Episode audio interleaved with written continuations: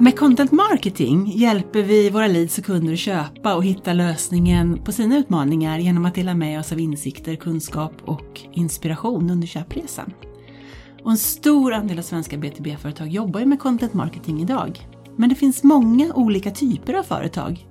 De som säljer SaaS-lösningar, fysiska produkter och tjänster. Och inte minst så finns det både små och stora företag. Jag heter Malin Sjöman och du lyssnar på B2B-podden från Crescendo. Idag har jag med mig Kajsa Arvidsson, Chief Commercial Officer på Iopsis. Hej! Du är kommersiellt ansvarig för försäljning och marknadsföring och tidigare har du jobbat egentligen inom de flesta discipliner i B2B-företag. På Ericsson bland annat med strategiska partnerskap och försäljning. Du har varit på Nokia som Europaansvarig för kommunikation och marknadsföring och du har varit VD på Celiro. Jättevälkommen Kajsa! Tack så mycket! Jag tänkte innan vi börjar prata om content, idag är du på Iopsis. Vad gör Iopsis? Iopsis är ett mjukvaruföretag och vi gör en, eh, en mjukvarulösning som hjälper våra kunder. Det kan vara telekomoperatörer eller det kan vara tillverkare av olika typer av routrar för hemmet. Bredband, alltså wifi-routrar eller IoT. Så att man kan ha en mjukvara för hela sin portfölj. Eh, och varför man vill ha det som produktbolag är ju ganska rakt på sak. Men för en operatör, där är ju en av de riktigt stora vinsterna att man från att det kanske tagit två år att få ut en ny tjänst kan gå ner till ett par veckor. Det låter ju som, verkligen som en vinst för alla, alla inblandade. Ja, för oss som konsumenter och användare. Men och att kunna få tjänster inom, alltså på den prenumeration man har mm. med operatören, men också inom de säkerhetslösningar som man har eh, med hjälp av operatören. Men också givetvis för operatören att det ger en helt annan möjlighet att driva sin affär mot eh, sin residential-affär eller mm. sin hemmet-affär då när det gäller bredband. Oavsett vilken uppkoppling man har mot hemmet. Och här låter det som att det finns mycket att kommunicera och mycket att förklara, kanske då just med hjälp av content marketing. Absolut, det är en otroligt spännande bransch att vara i. Eh, och kring hemmet och dess uppkoppling och digitalisering finns det ju hur mycket som helst. Om man vill. Så vad är content marketing för dig? Var, varför är det viktigt och varför är det spännande? Så content marketing för mig, det är egentligen essensen i vad jag har tyckt vara roligt att jobba med hela min karriär. Och det är ju varför gör vi det här? Alltså vilket problem är det som vi löser från vårt företag? Och det går ju i olika faser hur man förklarar det genom, genom köpresan. Men för mig är content marketing verkligen att sätta fingret på den punkten. Varför finns vi? Vad är det för problem vi löser? Precis, att förstå vilka frågor en tänkbar köpare ställer sig, sen svara på dem. Ja, och också i vissa fall synliggöra att det finns någonting som kan lösas. Mm. Um, för ibland så kan ju en kundresa börja med att du faktiskt blir uppmärksammad på att du har ett område där det finns någonting som kan göras bättre eller annorlunda och därigenom tjäna pengar eller spara pengar. Och du menar inte bara att visa hur man kan lösa en utmaning eller ett problem utan faktiskt börja ännu tidigare och, och visa på utmaningen och problemet som man har men man kanske inte har förstått det själv. Ja precis, det finns ju en det finns ju en säljapproach som heter Challenger Sales. Mm. Eh, som jag tror Gartner började med en gång i tiden. Det här att man tar kunden och går fram till stupet och håller dem över stupet och säger så här, här kan du trilla ner mm. om du inte eh, gör på det här sättet. Eh, och det är ju utmaningen tror jag för många företag, vare sig man är sälj, eh, produktledning eller kanske ibland till och med företagsledning. Mm att förstå var kunden kommer ifrån när man ska komma, liksom, bli intresserad av erbjudandet. Och, och kanske också att olika kunder har olika startpunkter. Man har kommit olika långt. Både ja. i sin problemformulering och i jakten på en lösning och vad man tittar efter. Ja, och det är det som gör den digitala delen av content marketing. För att dela med sig av insikter, det har vi gjort i många år inom försäljning eller marknadsföring. Men att göra det digitalt gör ju att nätet kan bli mycket större. Att det kanske finns någon som passar din persona eller identifierade målgrupp eh, som du inte vet om. Mm. Alltså de passar in fast du visste inte att de såg ut just så. Mm. För de kommer från en annan bransch. Um. Man kan, nå, man kan nå fram till fler helt enkelt och även mm. de där målgrupperna som man inte hade framför ögonen. Eller hade ja. på radarn i första steget. Ja men det kan ju vara någon som har samma förutsättningar. Mm. Men i en bransch som du inte hade kunskap om. Mm. Um. Så det är en upptäcktsresa egentligen, både för dig som marknadsförare och företaget och den som köper? Ja.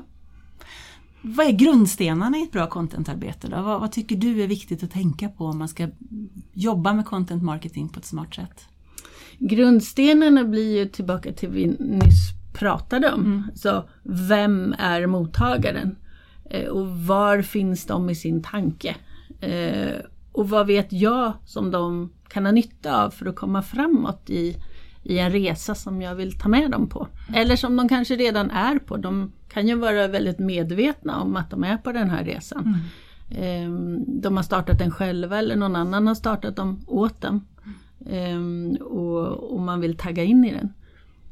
Jag gillar det här som du säger att, att eh, vad vet jag som de skulle ha nytta av att veta. Mm. För mig handlar ju content marketing mycket om att vara generös. Mm. Att att, inte att hårdsälja sin produkt i första steget utan faktiskt dela med sig av de insikter man har och den kunskap och de erfarenheter man har i företaget och låta andra få ta del av det. Ja, alltså i, i grunden så är det väl egentligen inte konstigare än den här känslan som man förmedlar om man säljer jeans egentligen. Mm. Varför är jag beredd att betala 3000 kronor för samma sorts byxa som jag kan köpa för 200 kronor? Mm och känna mig nöjd. Eh, därmed inte sagt att content marketing ska göra liksom, pressa ut pengar ur kunden men snarare visa värdet mm. av det man har att erbjuda och hur det kan bli när man har investerat i den lösningen. Du jobbar ju i ett lite mindre företag idag, om man får säga, Piopsis. Smått, ja. och du har även då som sagt jobbat tidigare på både Ericsson och Nokia, två internationella giganter egentligen. Vad skulle du säga, vad, vad är de största skillnaderna mellan att jobba med content marketing i ett lite mindre bolag som ändå jobbar internationellt och finns på hela arenan och de här riktigt stora företagen? Om, om man är ett jättekänt varumärke så har man ju... Som Ericsson och Nokia? Ja, typ. precis. I, mm. i sin industri. Då, då har man ju fördelen över att man mm. så att säga alltid blir man blir övervägd. Man, mm. man kommer med en förväntan över vad, vad varumärket innehåller och också hur man ska läsa det content, eller alltså det innehåll eller det beaktande som man delger. Um, på gott och ont kan man säga, mest på gott för att man vet ju vad man står för och den här delen av värde som man tillför med insikten läggs ju till en redan skapad bild. Mottagarna har en ram ja, precis. att förhålla sig till innan. Um, och, och det har man ju inte som litet företag. Då, då arbetar man ju mer med content för att bygga upp den här bilden av mm. sig själv men i ett ganska smalt segment.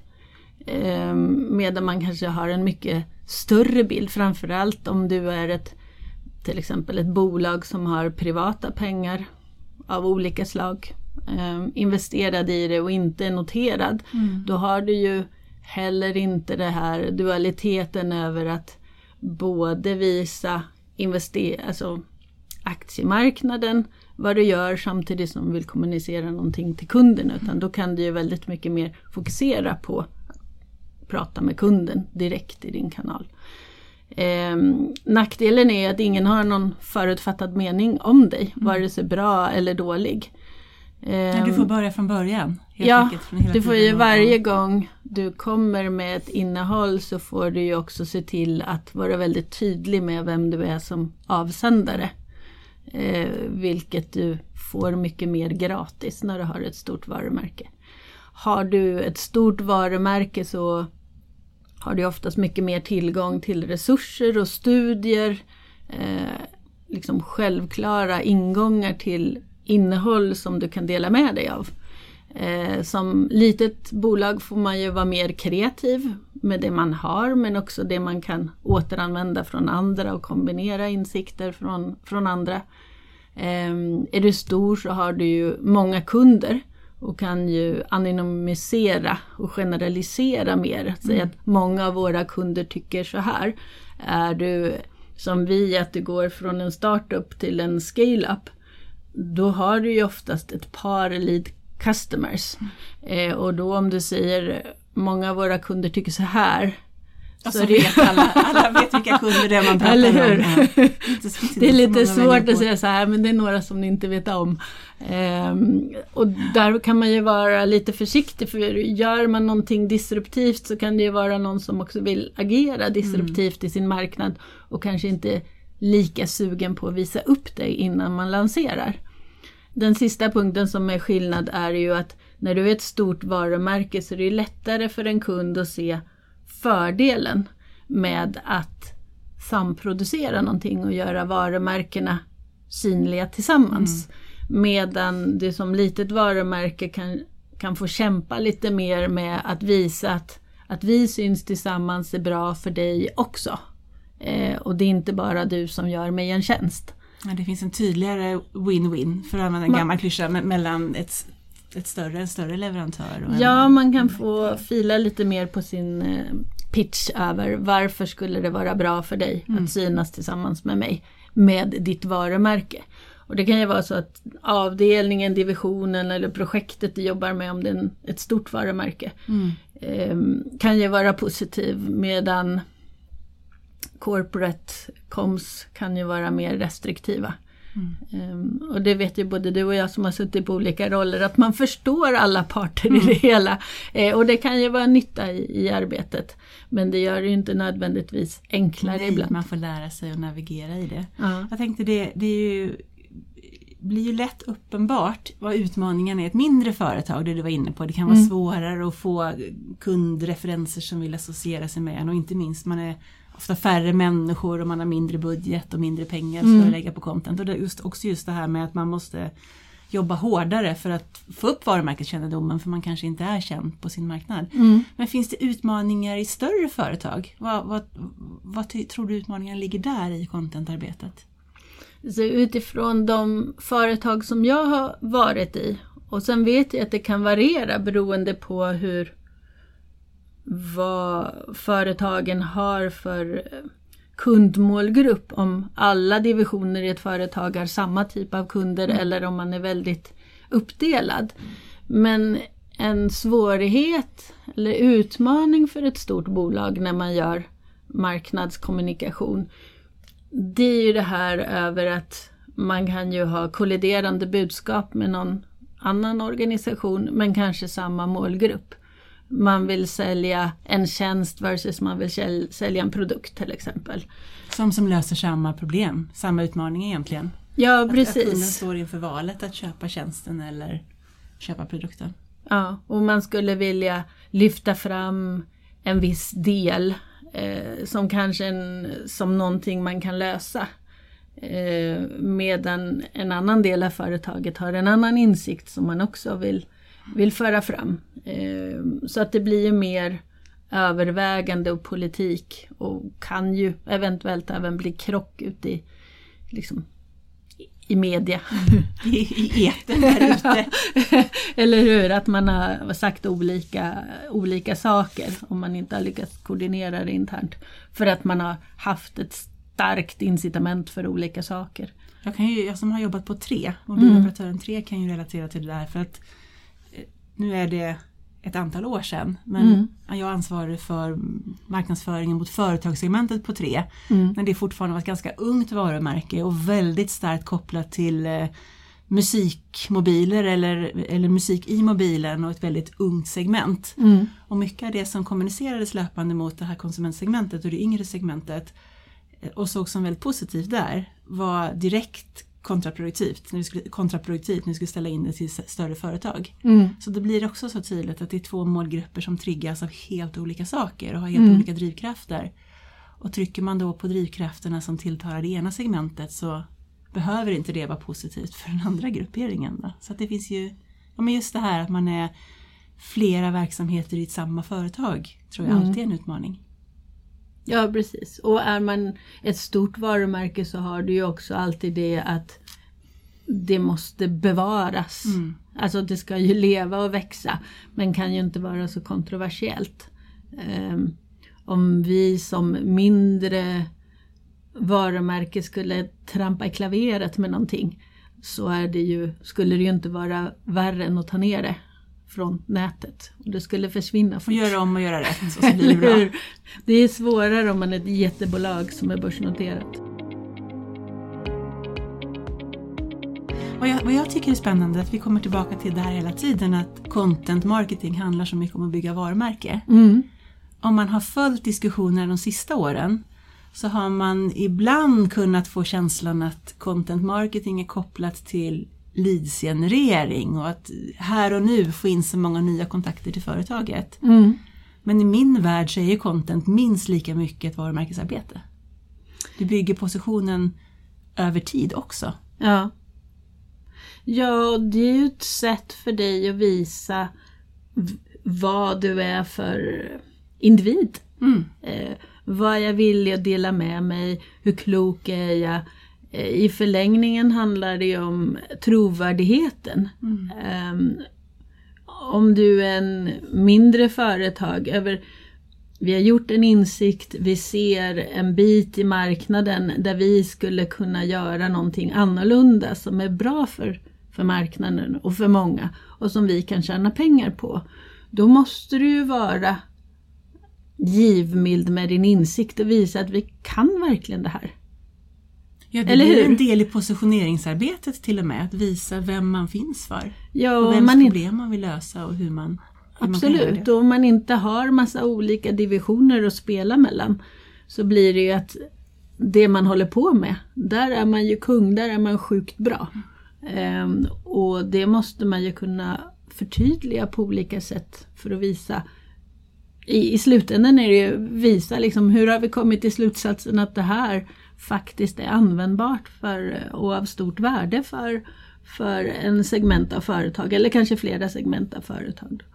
Jag tänker också på det här med, nu pratar vi företag och segment av företag och sådär. Mm. Eh, Vi brukar också säga att även om du säljer till företag så är det människor som köper. Mm. Och många gånger så har man ju olika målgrupper, eller vi pratar ju gärna personas i marknadsföringsarbetet. Du har tekniska beslutsfattare och du har kommersiella beslutsfattare och du kanske har användare som är på ja, men en helt annan plan för vad de letar efter. Mm. Hur ska man tänka här? Om man har många olika stakeholders, är det många olika typer av individer i samma företag som man vill sälja till? Man får ju försöka tänka på vilka som är de viktigaste för sitt beslut. Eh, ser jag. Och gör man, säg att du har en teknisk innovation och det här är ju sant för både stora och små bolag. Att man vill ju gärna eller oftast, jag vet inte hur jag... Nu känner jag att jag vill vara politiskt korrekt här.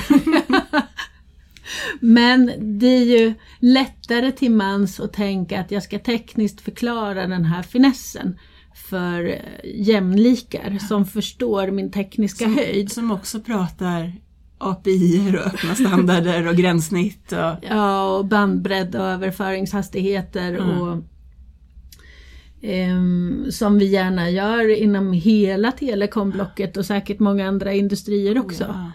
Ehm, det är ju en avdelning på mottagande företag som ett absolut förstår den tekniska finessen med det man gör Och behöver den förklaringen. och behöver den. Mm. De kan ju absolut stoppa dig Mm. eh, oavsett om du är stor eller liten för att du har en dålig lösning. Så det är en jätteviktig målgrupp.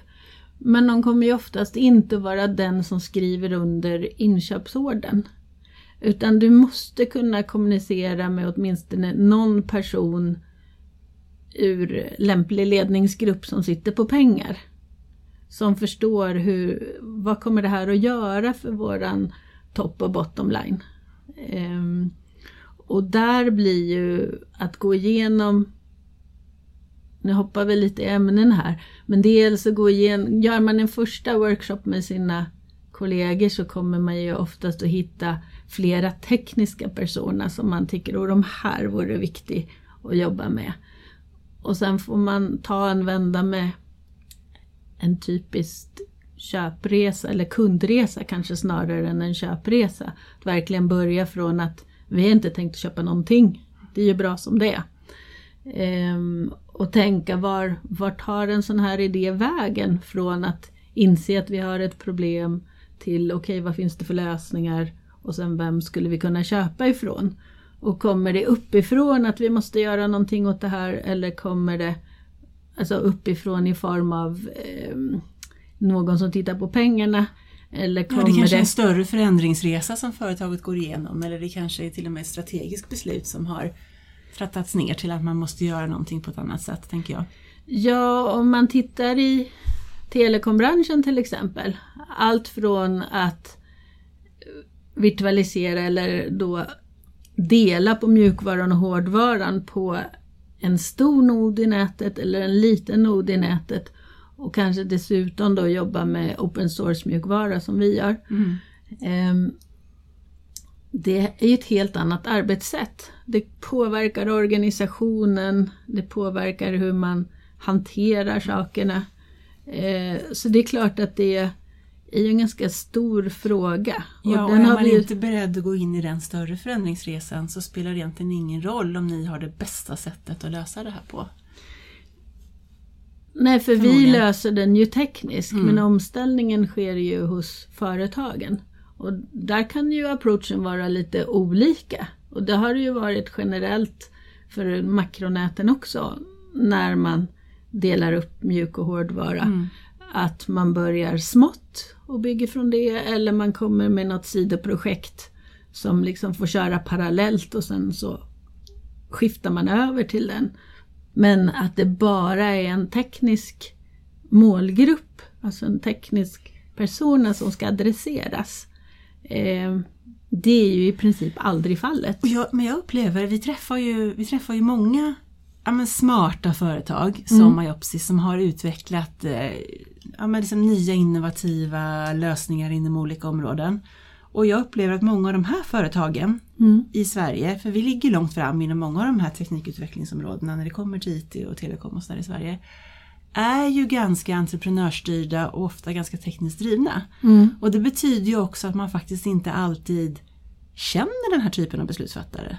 Man har inte alltid haft en dialog med de kommersiella beslutsfattarna högre upp utan man har tagit sina första affärer och sina första projekt på liksom teknisk framkant och kluriga uppfinningar, och, mm. eller uppfinningar men, men, teknisk innovation då. Så att när, när man kommer en bit på sin resa och ska börja skala upp så upplever jag att många inser att man faktiskt också måste vända sig till en annan person eller en annan typ av beslutsfattare som du är inne på, än vad mm. man har gjort tidigare. Och det är ju inte alltid, och det upplever ni ju säkert mycket mer än vi, eller jag ska jag säga. Eh, att eh, ni, när ni jobbar med de här personerna och kundresorna, att ni nog säkert gärna skulle vilja hjälpa företagen också att ta det här klivet från att de första Första kontrakten fick ni för att ni hade kom, alltså, fick kompisar ska jag säga. Mm. Det, var inte, det var inte kompisar, ni fick kompisar som delade ja, ibland, tekniska ibland vision. Ibland är det faktiskt kompisar som ja. man har från början också. Man nästan går in i det i en partnerutveckling. Ja precis. Och jag menar så har ju många stora företag startats över åren. Så det är ju inte fel. Men vid någon punkt så måste du skala upp det. Och då kommer du behöva bland annat då, ta dina insikter men spegla upp dem så att de blir generaliserade och applicerbara för någon annan. att du hittar värdeargumentationen på den nivån för den som inte kan och förstår och i värsta fall ens bryr sig mm. om radiofrekvenser och gränssnitt och det som vi var inne på.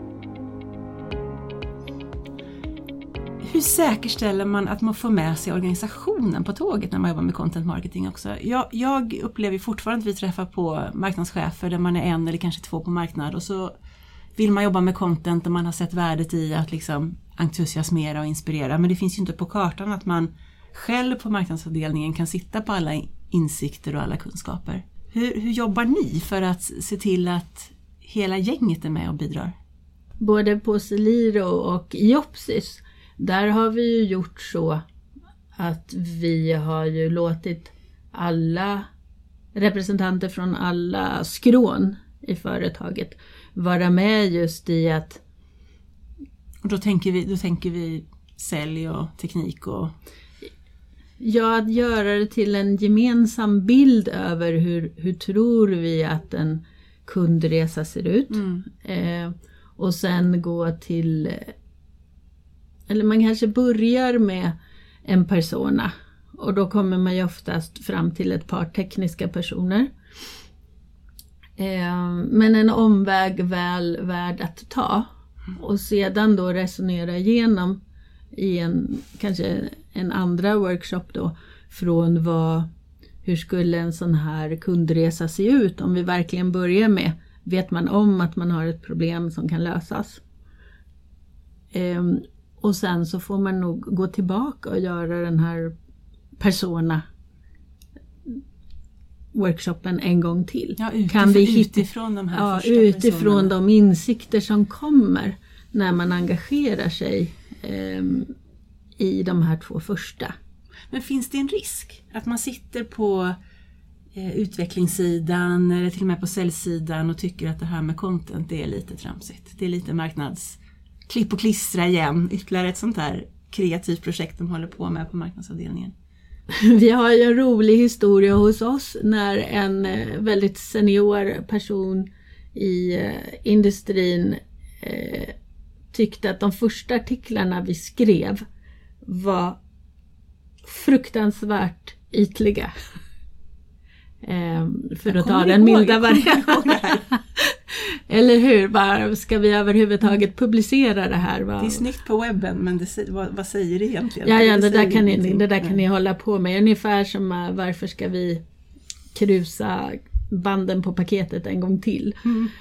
Um, men som nu något år senare blev beskylld för att denna person eh, gick för mycket i marketingtankar av sina det går att för... frälsa även de ofrälse alltså? Ja, och det har väl kommit i att själv jobba med det, att bli intervjuad, att börja skriva lite och ställas inför frågeställningarna just om jag deltar i det här forumet, säg ett externt mm. forum med insikter. Och kan jag påverka saker att gå i min, liksom åt mitt håll? Genom vad som vill då finns tillgängligt på nätet. Och att allting kanske, liksom det första lagret som jag läser kanske inte ska vara den liksom akrinoma produkt eh, eller protokollbeskrivningen utan att det finns en tratt att följa för att få med fler att se saken som jag gör. Och få fördjupad insikt. Ja, för, för att om, om du tänker på den personen jag tror du tänker på så har det ju faktiskt blivit en fantastisk bidrag i contentarbetet. Ja, han, en, en grym källa till liksom inspiration och insikter. Personen i fråga är ju en eh, jättebra liksom källa till att hitta på idéer. Ja. Det här skulle vi kunna ha och det här skulle och vi kunna stå, ha. Och även liksom jobba med substansen i det och kunna verkligen bidra med insikter ju. Ja, gärna räcker upp handen att ja. vilja bidra. Så visst, eh, men jag tror det är det här att vara lite ödmjuk och lite tålmodig i början. Nu vet jag inte om jag är det, men om jag hade varit det så att eh, fakt och att bara stå på sig genom de, de första workshopparna. Att hålla, hålla i så att det inte bara blir eh, teknik som diskuteras. Eh, och framförallt då i kundresan. Eh, vad mer spelar in för att det här ska hända? Och varför skulle man olika personer vilja att det här händer? För att sen och inte då bara stå på barrikaderna att det ska vara liksom finansiell eller liksom kundens kund som står i centrum utan också tillåta att det tekniska verkligen får plats och diskuteras. För det är ju ändå det man lever av. Ja, det är ju där många, många företag har sina styrkor också. Eller har, sin, Ja, har sitt ursprung kanske man ska säga. Och så finns det... Basen för det man gör. Ja. Ja. Eh, men att man måste kunna se saker med olika ögon och låta det ta lite tid. Eh, och där kanske inte bara ens egen tålmodighet utan där kan man ju för de gånger, och nu har jag ju varit igenom det här i Alltså att gå till en digital plattform och att där är det ju väldigt mycket content som måste regera. Eh, att det en, har ju varit jobbiga resor på både stora och små företag. Och där man, vad ska man säga, de som inte jobbar med det dag till dag vill ju gärna se resultat nästa vecka. Ja, det Aha, nu googlade jag det här nyckelordet hos oss och vi kommer fortfarande inte upp på, på första sidan. Nej, och det här är ju en förändringsresa som jag skulle säga alla BTB-företag måste igenom. Mm. För allas, oavsett, oavsett vad vi säljer, så har det ju hänt väldigt mycket de sista åren. Och mycket av dialogen och informationsinsamlingen och allt det här har ju flyttat ut på nätet. Och, Mm. och det beroende på vad man säljer så är liksom den graden av tid man lägger på att hitta saker på nätet relativt hur mycket man fångar upp när man träffar en säljare. Ja. Det är ju klart olika. Det är, det är en väldig skillnad om man säljer ett kärnkraftverk eller om man säljer kopieringspapper. Men, men alla är vi ju på väg åt samma håll. Att vi som köpare tittar mer och mer på nätet och letar efter saker för vi förväntar oss att det ska finnas där. Och därmed måste företagen dit. Men, men jag tror det är jätteviktigt som du säger att det här är ett det är liksom ett stort skede vi är mitt inne i och det går inte över en natt. Det går inte att ställa om företaget över en natt det går inte att förvänta sig effekt över en natt heller utan det är, det är trägen vinner. Det är dropparna som ska urholka stenen. Både Ja. internt och externt tror jag. Och samtidigt så får man ju se att vare sig man kallar det content marketing eller inte. eh, Om man går till essensen av det så är det ju fundamentalt för varje företag. Det vill säga förstå vad är värdet i det vi gör och för vem. Och i förlängning då, hur ska jag förklara det men också hur ska jag paketera det? Hur ska jag få en prislapp som speglar värdet som jag ger till min kund. Att man inte bara utvecklar för att det är kul och för att det går. Nej, och tittar vi Och att man förstår var pengarna kommer ifrån. Så säljer du printerpapper så är det inte säkert att det är pappret du ska tjäna pengar på. Eller så är det det. Det är liksom varje cent på pappret som spelar roll och på dina toner och så gav du bort ja, klassiskt hårdvaran till ett väldigt lågt pris. För du visste hur hela din affär ser ut. Eh, Så det är tillbaka till skrivbordet hela tiden. Förstå var i min affär är det jag tjänar pengar. Och det här är ju inte så annorlunda oavsett om vi kallar det då för challenger sales eller solution based selling och alla de här olika säljmetodikerna som finns. Det är ju så här duktiga, lyckosamma säljare har jobbat i alla tider. Det är väldigt svårt att ta en stor lösningsaffär genom att i första mötet gå och dunka en produktkatalog med priser i bordet. Utan det handlar ju om att, att lyssna in och förstå och utmana och analysera. Det är bara att vi har, måste lära oss, vi måste lära om, vi måste lära oss att göra det fast i en helt ny kanal. Vi kan inte längre skicka hela uppdraget med säljaren för att har vi inte vallats digitalt så blir det inget säljmöte och då spelar det ingen roll hur grymma säljare vi har. Mm. Vi måste växeldra dra, tror jag mellan marknad och sälj på ett helt annat sätt. Ja, och en värld där jag menar, digitalt så kan ju alla se stora och inflytelserika ut.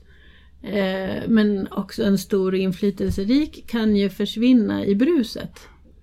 Eh, för att man är otydlig mot sin målgrupp, vem man är. Och man får ingen publik. Vad, men vad skulle, om vi ska eh, runda av lite här, vad skulle du säga, vad är dina bästa råd till ett BTB-företag? Du kan, stort eller litet, du får välja. Och, och är det någon som ska komma igång eller någon som ska växla upp? Några råd på vägen till den som vill komma vidare. Men jag tror att eh, oavsett om man har ett contentarbete eller inte, alltså ett content marketingarbete, så är det ett bra sätt att samla företaget att ta sig igenom en kundresa eh, i de enklaste tre faserna och se hur, hur ser vi på det här tillsammans. För det spretar ju mer än man kan tro på många ställen. Och det kan ju vara på gott för att det finns många sätt att göra det här. Eh, och det kan göra det på ont att vi har inte en enad bild över vad det är för värde vi för till marknaden. Och sen, menar i den bästa av världar tycker du och jag, så kommer det att leda till att man kommer att kommunicera olika historier som inspirerar i, i den här kundresan.